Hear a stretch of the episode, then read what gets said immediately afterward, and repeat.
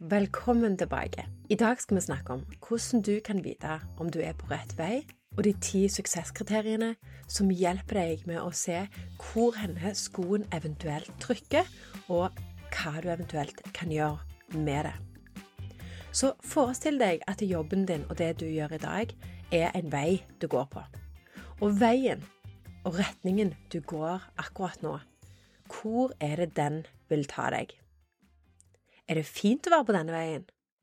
Og kan du tenke deg, hvor vil du være om tre år hvis du fortsetter på denne veien som du går i dag? Og er det som venter deg tre år lenger framme, noe du kan glede deg over og se fram til? Og til fortsettelsen på dette spørsmålet så skal jeg stille deg noen spørsmål hvor jeg vil du skal svare ja eller nei inni deg. Er det masse god energi der du er på vei? Får du spille på styrkene dine? Kan du være deg sjøl? Og gir dette deg mening? Og hvis du svarte ja inni deg på nesten alle de spørsmålene, så er det helt fantastisk, for da er du antagelig på rett vei, og i alle fall så går du i rett retning.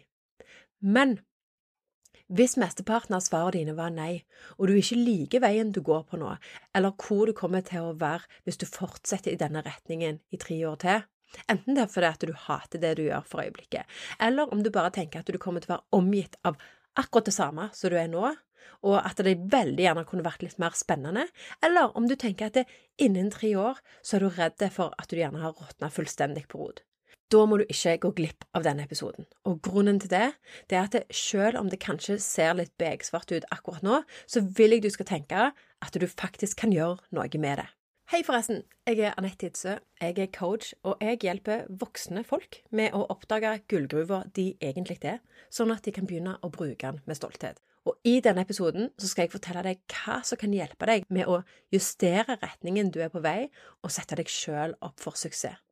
For det er ingen som sier at du må fortsette i denne retningen og bare godta at alt er sånn som det er i dag. Hvis du er litt der hvor ting suger litt akkurat nå, så er det noe jeg vil at du skal bestemme deg for i dette øyeblikket, og det er hvor lenge er du villig til å gå i denne retningen og på denne veien her? Skal du gå i to år til fordi at du har noen spesielle forpliktelser, kanskje, eller er det for lenge? Skal du gjøre noen endringer med en gang, og så må du bare finne ut hva de er først? Eller vet du at du er fucked hvis du ikke gjør noe nå asap?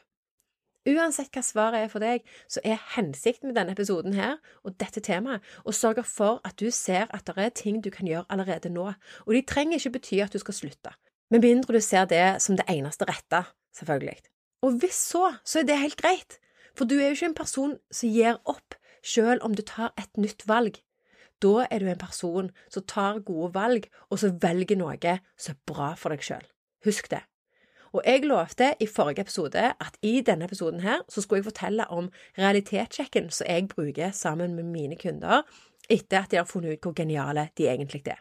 Og grunnen til at vi gjør en realitetssjekk, det er at da kan vi sjekke ut, med alle fakta på bordet, ikke bare følelser, om veien de er på vei i dag, er rett for de, og hvor vi skal gjøre eventuelle endringer, hvis det bare er det som skal til, eller om vi må hive alle ballene opp i lufta og tenke helt nytt. Og det betyr i praksis at vi finner ut om der de er på vei i dag, er rett for de, eller hva som skal til av endringer for at de skal kunne gjøre noe de mestrer, og hvor de kan være seg selv og finne mening. Og For å kunne ta denne realitetssjekken, så er det viktig at vi har noen parametere å måle mot når vi gjør det. Og du kan se på alle disse her som de parameterne som vil gi deg en pekepinn på hvor i det du gjør i dag, det lugger, i tillegg til hva som faktisk stemmer. Og jo mer vi kan være innenfor disse her parametrene her, og gjøre endringer sånn at vi gjør endringer som er i tråd med oss sjøl, jo bedre vil vi trives, og ikke minst kunne vokse der vi er, og blomstre gjennom det vi gjør. Ok, så den gammeldagse måten å finne ut hva en skal gjøre i livet, det er å finne ut hva du elsker å gjøre, for da vil du ikke jobbe en dag i ditt liv. Har du hørt den før? Og siden du har litt erfaring fra arbeidslivet, så vet du at det bildet der, det er ganske snevert. For du kan elske det du gjør så mye du vil på jobb, men hvis du har noen skikkelig rødhål-kolleger, så ødelegger det litt av gleden. Er du enig? Eller hvis du har noen fantastiske kolleger, og du liker det du gjør, men selskapet du jobber for er noen kyniske jævler, da kan det hende at det lugger litt i verdiene dine. Og hva om du synes at oppgavene er helt greie, og du er jævlig god på de, men du føler at du har stagnert helt, og du sitter og råtner på rot og har mista hele gnisten, så kan folk være så hyggelige de bare vil, men det vil til syvende og sist tømme deg for energi å sitte sånn. Og så vil det i tillegg skape tvil om hva du holder på med, og hvor du er på vei. Og tilbake til denne gammeldagse metoden, da. Med å bare elske det du gjør, så kommer du ikke til å jobbe en dag i ditt liv. Dette er for det første noe jeg er grunnleggende uenig i. For hvis du ikke får brukt deg selv til noe du opplever som meningsfullt, så forsvinner liksom hele poenget. Så det å kunne yte på ditt beste og føle at du er på rett plass, det er ikke bare basert på følelsen av å digge det du gjør.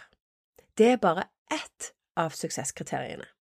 Og for å finne ut om noe passer som hånd i hanske, så er det altså ikke bare følelsen som teller. For hvis vi bare skal si at vi ikke trives, eller at vi ikke får brukt oss sjøl, så har vi egentlig ikke funnet ut helt hvor skoen trykker. Og dermed så er det vanskeligere å gjøre noe med det og ta gode valg neste gang som tar deg i retningen som er rett for deg. Det vi ofte føler er problemet hvis vi ikke trives med det vi gjør, eller hvis det er et eller annet som lugger, det er at vi kjenner på noen symptomer, som for eksempel at vi gjerne kan føle at vi er på feil plass. Det kan hende at vi driver og gjør oss sjøl små, og at når vi sier noe, så fatter vi oss bare i korthet, for det, har, for det vi har å si, er jo ikke interessant allikevel. Det kan hende at vi føler at vi ikke kan være oss sjøl, og at vi gjerne syns det er vanskelig å ta ordet det kan hende at en føler at en ikke passer helt inn, og at alle andre ser ut til å ha funnet sin plass utenom meg. Kanskje du sitter og vet at du kunne gjort bedre, og at du ikke får brukt deg selv gjennom det du gjør i dag. Kanskje du føler at det, det andre gjør, er viktigere, og at de har viktigere ting å komme med enn deg. Det kan òg hende at du føler at du har mer å by på, eller føler at det, det du gjør, er helt meningsløst. Men husk, dette er kun symptomer, og hvis du kjente deg igjen i noen av de, så sier disse her ingenting om din verdi. Dette er bare det du kan sitte og kjenne på hvis det er ting som lygger, for eksempel at du er i feil omgivelser, eller i en kultur som ikke passer, eller i en stilling som ikke er rett for deg, eller situasjoner hvor du ikke kan være ditt ekte sjøl og virkelig få yte på det nivået som du vet at du kan. Det som faktisk skjer og som er rotårsaken til mange av disse her symptomene, det kan være noe helt annet enn det det ser ut som på utsida, eller som det kjennes ut som på innsida. Og her er noen eksempler. Hvis det vi gjør ikke stemmer overens med verdiene våre, så vil vi kjenne at det vi gjør ikke er særlig meningsfullt, eller kanskje enda verre, at det går på tvers av den vi er, og det som er viktig for oss. Kanskje at fokusen i selskapet er kun på profitt og penger, og at det som er viktig for deg, er miljø og det å gjøre noe meningsfullt med det du har fått utdelt. En annen typisk ting kan være at vi jobber i en bransje som er ekstremt usikker, som er egentlig en person som foretrekker trygghet, og, og jobber faktisk best når en er trygg. Og det betyr ikke at du ikke kan jobbe i selskaper hvor det er endringer hele tida, det betyr bare at du er på ditt beste når det ikke hele tida er bevegelige deler i hverdagen din som du må ta hensyn til. Eller at en holder på med oppgaver som går på tvers av de naturlige styrkene våre, og så sitter vi og organiserer og gjør oppgaver hvor vi dør inni oss, når det vi egentlig er gode på, er å skape ting og være kreative og finne løsninger.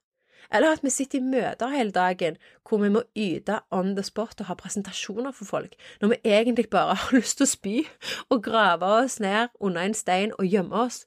Og selv om en etter en stund gjerne blir vant med sånne ting, så er det kanskje fremdeles det som suger livskraften ut av deg, og som gjør at du kommer tom hjem fra jobb uke etter uke. Eller at vi jobber i et miljø som går på tvers av den type miljø som vi trives i. Kanskje der du er i dag, er en plass som har fokus på rutiner, prosedyrer og standarder og litt sånn sånn har det alltid vært-holdning, og så holder du på å dø inni deg, for egentlig så har du bare lyst til å gi faen i alle regler og alle ting du burde og skulle ha gjort, og i stedet skape en helt ny og bedre måte å gjøre ting på.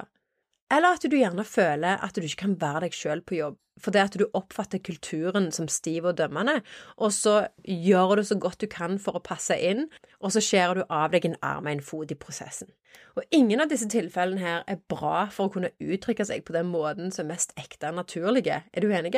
Og for å kunne gjøre noe med det, og vite at en beveger seg mot noe bedre, så er det sykt nyttig å finne ut hva preferanser en faktisk har, og hva som skal til for at en skal kunne yte sitt beste, sånn at en vet hva endringer en kan gjøre for å skape de aller beste forutsetningene for å skinne og mestre og virkelig trives. Og for å ramme det litt mer inn, og jeg vet at jeg har sagt dette her før, men jeg har òg, sånn som de fleste andre, vært stuck i en setting hvor jeg følte at jeg ikke passa inn, og at jeg ikke fikk fram den beste versjonen av meg sjøl. Og det har jeg gjort opptil flere ganger, faktisk. Og grunnen til at jeg ikke gjorde noe med det, det var det at jeg visste at det var noe som ikke stemte, men jeg klarte liksom ikke alltid å sette fingeren på hva det var helt spesifikt. Og så trodde jeg veldig ofte, sånn som mange av oss gjør, at det var oppgavene. Eller den andre typiske grunnen folka. Og så trodde jeg alltid òg at løsningen, det var å finne meg noe annet å gjøre. Men det vi glemmer, det er at det, det er ikke alltid vi må starte helt på nytt. Og av og til så kan det være at det bare er noen små tweaks som skal til. Og hvis en virkelig skal gjøre en endring, så er det jævlig greit å vite at det neste valget vi tar, er til det bedre. Og det som skjer hvis vi ikke vet helt hva som skal til for å kunne yte på vårt beste, så trenger det ikke egentlig være folka eller oppgavene, eller selskapet for den saks skyld, det er noe galt med. Det kan være at vi bare ikke har satt oss sjøl opp for suksess. Og det er jo ikke selskapet sin feil. Det er opp til oss å sikre at vi blir bevisste på hva som skal til for at vi skal kunne være på vårt beste. Så det vi må gjøre, det er å komme oss vekk fra tanken om at det er sjefen eller selskapet som skal oppdage hvor geniale vi egentlig er. For da kan du vente til du blir blå i hodet. For her ligger ansvaret helt og holdent på oss. Og når vi vet hva som skal til, så kan vi heller ta den praten. Og så kan vinningen være på begge sider av bordet. Og det som skjedde med meg da jeg var der, hvor jeg gjerne var i en jobb lenge hvor jeg følte at jeg ikke kunne komme til min rett, det var at jeg liksom Jeg skulle alltid holde ut. Og så var jeg evig optimist, så håpte liksom at det alltid skulle bli bedre. Eller at jeg, hvis jeg bare gjorde sånn, eller fikk til det, eller fikk den muligheten, da kom alt til å bli helt annerledes. Men det skjedde jo uhyre sjelden. Jeg kan telle det på ei hånd og veldig få fingre, så det faktisk skjedde. Og det som skjer når vi gjerne sitter for lenge i en sånn situasjon hvor en ikke føler at en kommer til sin rett, så kan en begynne å lure på om det er en sjøl det er noe galt med. Og det var nettopp det som skjedde med meg. Så jeg begynte å tvile på meg sjøl. Og så begynte jeg å lure på om jeg faktisk hadde noe å tilby i det hele tatt. Og så gjorde jeg alt jeg kunne for å tilpasse meg. Og altfor ofte så blir det jo sånn at det er vi som føler oss ødelagte, og tror at det er oss det er noe galt med, for det at vi ikke klarer helt å gjøre det så bra som vi gjerne vet at vi egentlig kan. Og det kan gjøre at vi lukker oss sjøl inne, og at vi slutter å stole på oss sjøl. Og så begynner vi gjerne da å ta noen litt sånn rare valg, og gjerne valg som er basert på hva andre mener. Kanskje vi går for det som er fornuftig, heller enn å lytte til oss sjøl og det vi egentlig vet er sant. Og disse valgene her, de betyr potensielt at vi går glipp av en hel del fantastiske muligheter til å blomstre og til å vokse og være oss sjøl fullt ut, og bli belønna for det. Vi tror gjerne at det handler om at andre er bedre enn oss, når det egentlig handler om at det, det er vi som ikke er trygge, for det er at vi befinner oss i en setting hvor det er vanskelig for oss å yte og gjøre vårt beste. Og hvis en ser tilbake og får det litt på avstand, og går inn i rene fakta i sånne situasjoner, så det er ofte sånn at vi faktisk ikke hadde et konkurransefortrinn til å begynne med. Altså at vi ikke var satt opp for suksess i den situasjonen. For det at det, der en gjerne befant seg, det var i et miljø eller en situasjon hvor en ikke klarte å være på sitt beste og som igjen betyr at den gjerne da føler seg som en fisk på land som prøver å sykle, og i stedet for å se at du ikke er satt opp for suksess fordi at luft ikke er ditt element, så går du rundt i stedet for å føle deg som en jækla idiot fordi at du er en fisk som ikke kan sykle. Og det må vi gjøre, det er å bruke mindre energi på å fikse oss sjøl og i stedet bruke mer energi på å bruke styrkene vi har, og det konkurransefortrinnet vi faktisk har med de naturlige styrkene våre, og verdiene våre, og engasjementet vårt, og det som kommer naturlig for oss. Problemet er bare at vi bruker så jæklig mye energi på å fikse oss sjøl og tror at vi ikke er gode nok. At vi ikke dyrker og utvikler de egenskapene og de styrkene som er mest autentiske og fantastiske med oss. Så det jeg håper at du tar med deg videre akkurat nå, det er et viktig mindset-skifte, og det er at du trenger ikke forandre den du er, du trenger bare bli mer av den du er. Det jeg skulle ønske at jeg sjøl var bevisst på da jeg var der, det var hvordan jeg kunne finne ut hvor skoen faktisk trykka, sånn helt spesifikt, sånn at jeg kunne gjort noe med det, eller i det aller minste kunne ta et bedre valg neste gang. Og her er de punktene som jeg går gjennom sammen med mine kunder, og som du kan finne ut av å bruke, sånn at du kan komme deg videre fra tanken om at gresset er grønnere på den andre sida. Sånn at du faktisk kan se hva som skal til for at du skal kunne være på ditt aller beste. Og dette gjelder ikke bare hvor du kan yte på ditt beste, men òg hva som gir deg energi, og hva som krever energi. Og jo mer du kan gjøre av det som gir deg energi, jo bedre vil du kunne yte. Og jo bedre du klarer å yte, jo mer vil du føle at du har havna på rett hylle i livet. Og jo mer du føler at du har havna på rett hylle, jo klarere kan du se din egen verdi og bli kompensert deretter. Og det første og viktigste som skal til for at du skal kunne yte på ditt beste, det er at du bygger retningen din og det du gjør, på de naturlige styrkene dine. Det er dette som gir deg energi, og som du elsker å gjøre, og som du er naturlig dyktig på, uten å engang prøve spesielt hardt, og som kan få deg til å føle at du har noe å komme med. Og hvis du ikke vet hva de er, så inviterer jeg deg til å ta minikurset mitt, som du finner link til i beskrivelsen av denne episoden. For det er først når du vet at du bygger videre på de naturlige styrkene dine, at du kjenner på mestring og mening, og at du faktisk er på rett vei mot å realisere det potensialet som faktisk bor i deg. Det neste som er utrolig nyttig for deg å kjenne til, er verdiene dine, og sånn som du vet, helt sikkert, verdiene er det som er viktigst for deg. Dette er de tingene i livet, så hvis du tar hensyn til dem, så kan de gjøre at du føler at du er på rett vei. Og hvis du ikke er klar over hva de er, så kan du komme til å ta noen jævlig idiotiske valg. Rett og slett, og hele tida føle at du ikke er i integritet med deg sjøl. For verdiene dine, det er de som skal sikre at du styrer i rett retning, på alle områder i livet. Og en annen ting som er sykt nyttig for deg å ta hensyn til, og ikke minst vite og være bevisste på, det er hva prosesser, verktøy og emner som gjør at du virkelig kan vokse og vise deg sjøl fra de beste sider. Si bare for enkelhets skyld at du er en person som liker best å gjøre ting på papir. Du liker å skrive lister på papir, du liker å tegne og notere på papir. Dette er på en måte din foretrukne arbeidsmetode. Og det er ikke det at du ikke kan endre deg, det er bare det at du tenker best når du gjør det på denne måten, og så jobber du gjerne i et selskap som skal digitalisere herfra til helvete. Og så introduserer de chatboter, AI, verktøy og digitale prosesser. Da føler du deg sannsynligvis ikke bare malplasserte, du føler deg kanskje inkompetent òg. Og hva gjør det med måten du tenker om deg sjøl? Sannsynligvis så går du rundt og tror at det er deg det er noe galt med. Men hva om du jobber i stedet i et selskap eller for deg sjøl eller whatever, som setter pris på arbeidsmetoden din, eller at du har kolleger som du kan jobbe med, som kan ta det du har tenkt på papiret, ut i virkeligheten, og at alle kan spille på hverandre sine styrker, så er det jo noe helt annet. Poenget er at når du vet hva som er dine styrker, i alt fra prosesser, verktøy og til emner og alt det der, så er det lettere for deg å spille på dem. Og her snakker jeg ikke bare om det du kan gjøre, men det som du kjenner at du virkelig mestrer, og tenker hvis jeg bare kunne gjort dette hele dagen, så hadde jeg vært i mitt ess. Og det neste, det er din personlige terskel for tvetydighet. Hm, tvetydighet, hva mener du med det? Det er egentlig hvor godt du takler usikkerhet, og det kan gjelde det meste. Men et eksempel kan være hvis du jobber i et selskap hvor det er konstante endringer, og du er en person som jobber best i setninger hvor du kan føle deg trygg, og hvor det ikke er så mange bevegelige deler, og du vet at du har en jobb de neste ti åra, så kan jobber hvor det er konstante endringer, by på problemer.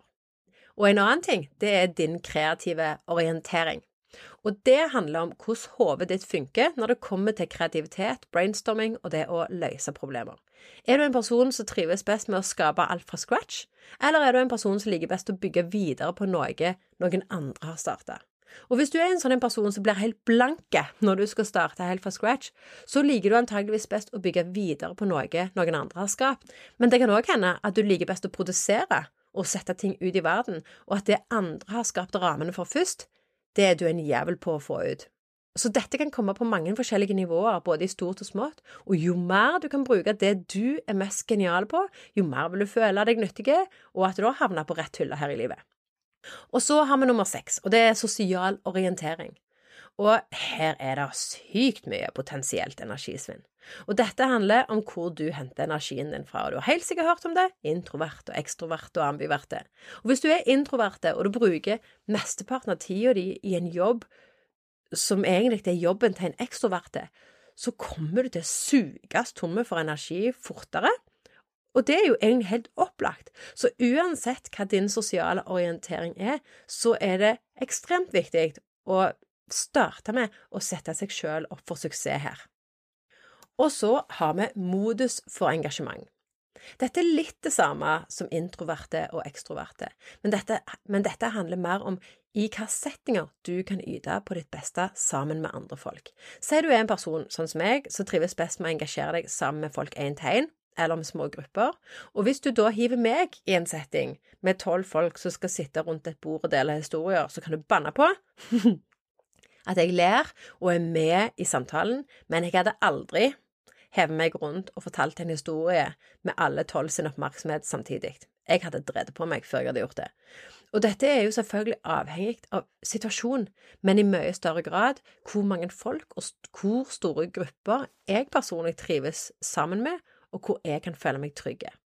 Og så har du andre, da, som kan fryde seg over, å ha oppmerksomheten fra 100 personer, og kanskje mer på en gang. Men her er vi ekstremt forskjellige. Men det som er nyttig, det er jo bare å være klar over hvor store grupper eller små grupper du trives best med, sånn at du kan gjøre mest mulig der du er trygg. Og jeg sier ikke at vi ikke skal utfordre oss sjøl. For all del, ikke misforstå. Men hvis vi ikke får bruke oss sjøl på den måten som er mest naturlig for oss, så går det til slutt utover energien, for det at vi konstant kommer til å stride mot vår egen natur. Så som sagt, ha fokus på å sette deg sjøl opp for suksess først, og så kan du utfordre deg sjøl på de tingene som er viktig for deg i stedet for, og ikke bare la energien gå til direkte svinn. Og så har vi én til fasett av dette, og dette er typen interaktivitet som du trives best med. For eksempel, skal du først ha med andre folk å gjøre, vil du helst at det skal være én til én, real time? Skal det være én til én med skjerm mellom? eller skal det være én-til-én asynkront? Altså at du ikke er realtime med noen i det hele tatt. Jeg vet sjøl, og, og, og, dette gjelder for én til mange, én til veldig mange, og så sier du i tillegg da skal det være asynkront, skal det være realtime, skal det være med en skjerm mellom. Vi har alle våre preferanser og settinger hvor vi yter aller best. Og jeg vet sjøl, med performeren min som antitype ref de naturlige styrkene mine, og det motsatte, nemlig antitypen, og det som krever mest energi, så ville jeg, hvis jeg skulle hatt en pres presentasjon, så ville jeg mye heller lagd den på forhånd, eller svart i etterkant på et spørsmål hvor jeg hadde hatt tid til å tenke meg om, enn å måtte ha dratt et fornuftig svar ut av rauda umiddelbart. Og spesielt hvis det er mot ei større gruppe, for da går mitt hode i hvert fall i lockdown. Men er det én til én, så fikser jeg det helt fint, for da er jeg trygg. Er du med? Og hvis det i tillegg gjelder et tema eller et verktøy som jeg vet jeg er dritgod på og digger, så kan du knapt få meg til å holde kjeft. Men hvis jeg er utrygg, så får du lite fornuft ut av denne jenta. Så her har vi alle, som sagt, våre personlige preferanser som gjør at vi enten kan yte veldig godt og kunne være trygge og bare være på et nivå hvor vi kjenner at nå er jeg på, på mitt beste, eller vi kan synke ned i jorda og prøve å late som ikke eksisterer. Og så har du folka, da. Og dette er kanskje det mest bevegelige elementet når du er spesielt da i en stor organisasjon. Men uansett om du ikke alltid kan gjøre noe konkret med det, så er det nyttig å ha kontakt nok med deg sjøl til å vite hva type folk som får fram det beste i deg. Og når du vet det, så kan du være mye tydeligere. Og folk, la oss innse det, er du helt på feil plass, så kan det gå utover psyken. Og full disclaimer, jeg har aldri vært utbrente, men jeg kan si at jeg har vært sykemeldte på grunn av folk på arbeidsplassen. Og det er skamtungt. Og jeg husker det egentlig sånn som det var i går, for jeg satt og grein i stolen foran fastlegen. Jeg følte meg fullstendig fanga og totalt trengt opp i et hjørne. Og jeg må legge til en ting der, at dette var ikke på den siste arbeidsplassen min, for der var jeg omgitt av faen så fine folk. Men hva folk en skal omgås 37,5 timer i uka, det er faktisk jæklig viktig, for folk kan få oss til å føle oss bra, men de kan òg få oss til å føle oss helt forbanna miserable, så her handler det om å sette seg sjøl opp for suksess. Så det du må finne ut her, det er hva slags type folk du kan føle deg vel med. Og så får deg til å slappe av, og så får deg til å føle at du er noe, og som du kjenner at fy faen, jeg er heldig som jobber med sånne fine folk. Og de ulike rollene du skal vurdere da, det er hva type folk du best kan bli guidet av. Og så skal du vurdere hva kollegaer du trives best med, og hvem du ville aller helst samarbeide med. Og så hva type folk du helst ville ha ledet sjøl, og hva type folk du helst ville ha hjulpet hvis du bare skulle hjelpe andre. Og så skal vi innom det siste temaet, nemlig kultur slash arbeidsmiljø. Og de fleste som har litt erfaring fra arbeidslivet, de vet at det er forskjell på hva kultur et selskap ønsker å ha, og den faktiske kulturen en opplever personlig i selskapet. For dette er jo like avhengig av folka. Uansett så er jo hensikten med å sette en ønska kultur i et selskap å skape forventninger for hvordan en skal prioritere, oppføre seg og hva retning en skal bevege seg i. Men det du vil merke mest på kroppen, det er det som er nærmest deg, nemlig teamkultur og arbeidsmiljø, som er erfaringen du allerede har.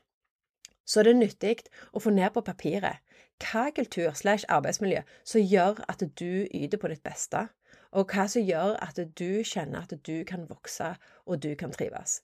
Og her har jeg en del egne erfaringer hvor en gjerne ser på selskapskulturen som en ting som jeg husker sjøl at jeg har identifisert meg med. Men så var det mange sånn subkulturer under der igjen, hvor det gjerne var folk da som var motvillige til å faktisk fylle den kulturen som en var på vei mot. Og det skapte selvfølgelig litt støy i rekkene. Men det som en gjerne skal tenke på, det er det som er nærmest oss sjøl, sånn at vi sikrer at det, de neste valgene en tar, enten det er at en skal øve i ny jobb, eller at en skal jobbe i et spesifikt team, så er det nyttig å bare se hva kultur det er, enten for å forberede seg sjøl, og for å vite at det, dette går til, og her kan det komme til å ligge, og hvordan en skal håndtere det. Eventuelt, hvis man står mellom to forskjellige jobber, og det er mye likt, så går det an å spørre inn på kulturen og finne ut om hvilket av de to valgene som passer best for deg personlig. Så som sagt, det vi må gjøre, det er å bruke mindre energi på å fikse oss sjøl, og i stedet bruke mer energi på å bruke styrkene vi har, og det konkurransefortrinnet vi faktisk har med den vi er, hvordan vi kan yte, og det å bruke de naturlige styrkene våre til å gjøre en forskjell, enten det er for selskapet vi jobber for, eller det er for oss sjøl i vårt eget selskap. Og vet du hva, jeg må bare si det, jeg er sikker på at hvis selskaper som jeg jobber for, hadde hatt mer fokus på at folk fikk brukt de naturlige styrkene sine, og heller at de kunne tilrettelagt litt av og til for at folk skal få lov til å skinne, så er jeg sikker på at de hadde hatt faens mye høyere trivsel og effektivitet. Og helt ærlig så er vi jo av og til bare på feil plass. Og det å ha all denne informasjonen, det kan hjelpe oss med å se det, og så kan det hjelpe oss med å finne noe som kan komme til å være en mye bedre match. Og for å bli mer av den du er, så er det nyttig å vite hva som skal til for at du skal kunne yte på ditt beste. For det som skjer når du vet dette, det er at du kan ta bevisste valg, og så kan du bruke den innsikten til å vokse. Og så kan du ta en realitetssjekk, og så kan du finne ut om den retningen du er på vei i dag, er den rette for deg. Eller er det justeringer som skal til? Eller er det bare et sånn totalt skifte av kjøreretning? Og når du har denne kunnskapen, så kan du vurdere nye muligheter for å finne ut hvor det eventuelt kommer til å ligge. Og så kan du i tillegg se om du kan få til å justere forventninger, for eksempel på forhånd, sånn at den nye muligheten kler deg istedenfor at du skal kle den. Det gir deg òg tillatelse til å takke nei til muligheter som du ellers ville sagt ja til, fordi at du ser umiddelbart hva som kan komme til å lykke, hva som kan være showstoppers, og måten du gjør det på, først og fremst, det er at du lærer deg å stille de spørsmålene som er viktige for deg å få besvart. For igjen, det er i bunn og grunn det det handler om, det er å sette seg sjøl opp for suksess.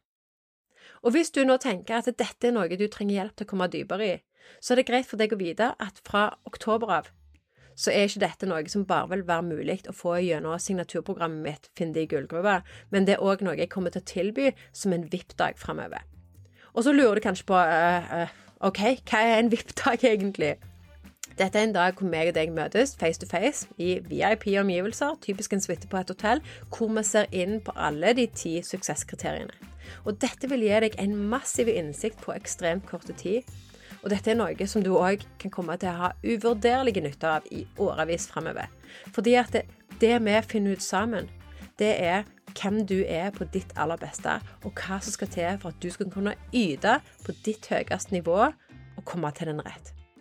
Og det du vil sitte igjen med, det er et verktøy som du kan bruke og ikke minst fortsette å utvikle for at du skal kunne ta skikkelig gode valg for deg sjøl når nye muligheter dukker opp. Og så vil du lett kunne se hva du eventuelt må sørge for å tweake for å få det bedre med det du f.eks. gjør i dag.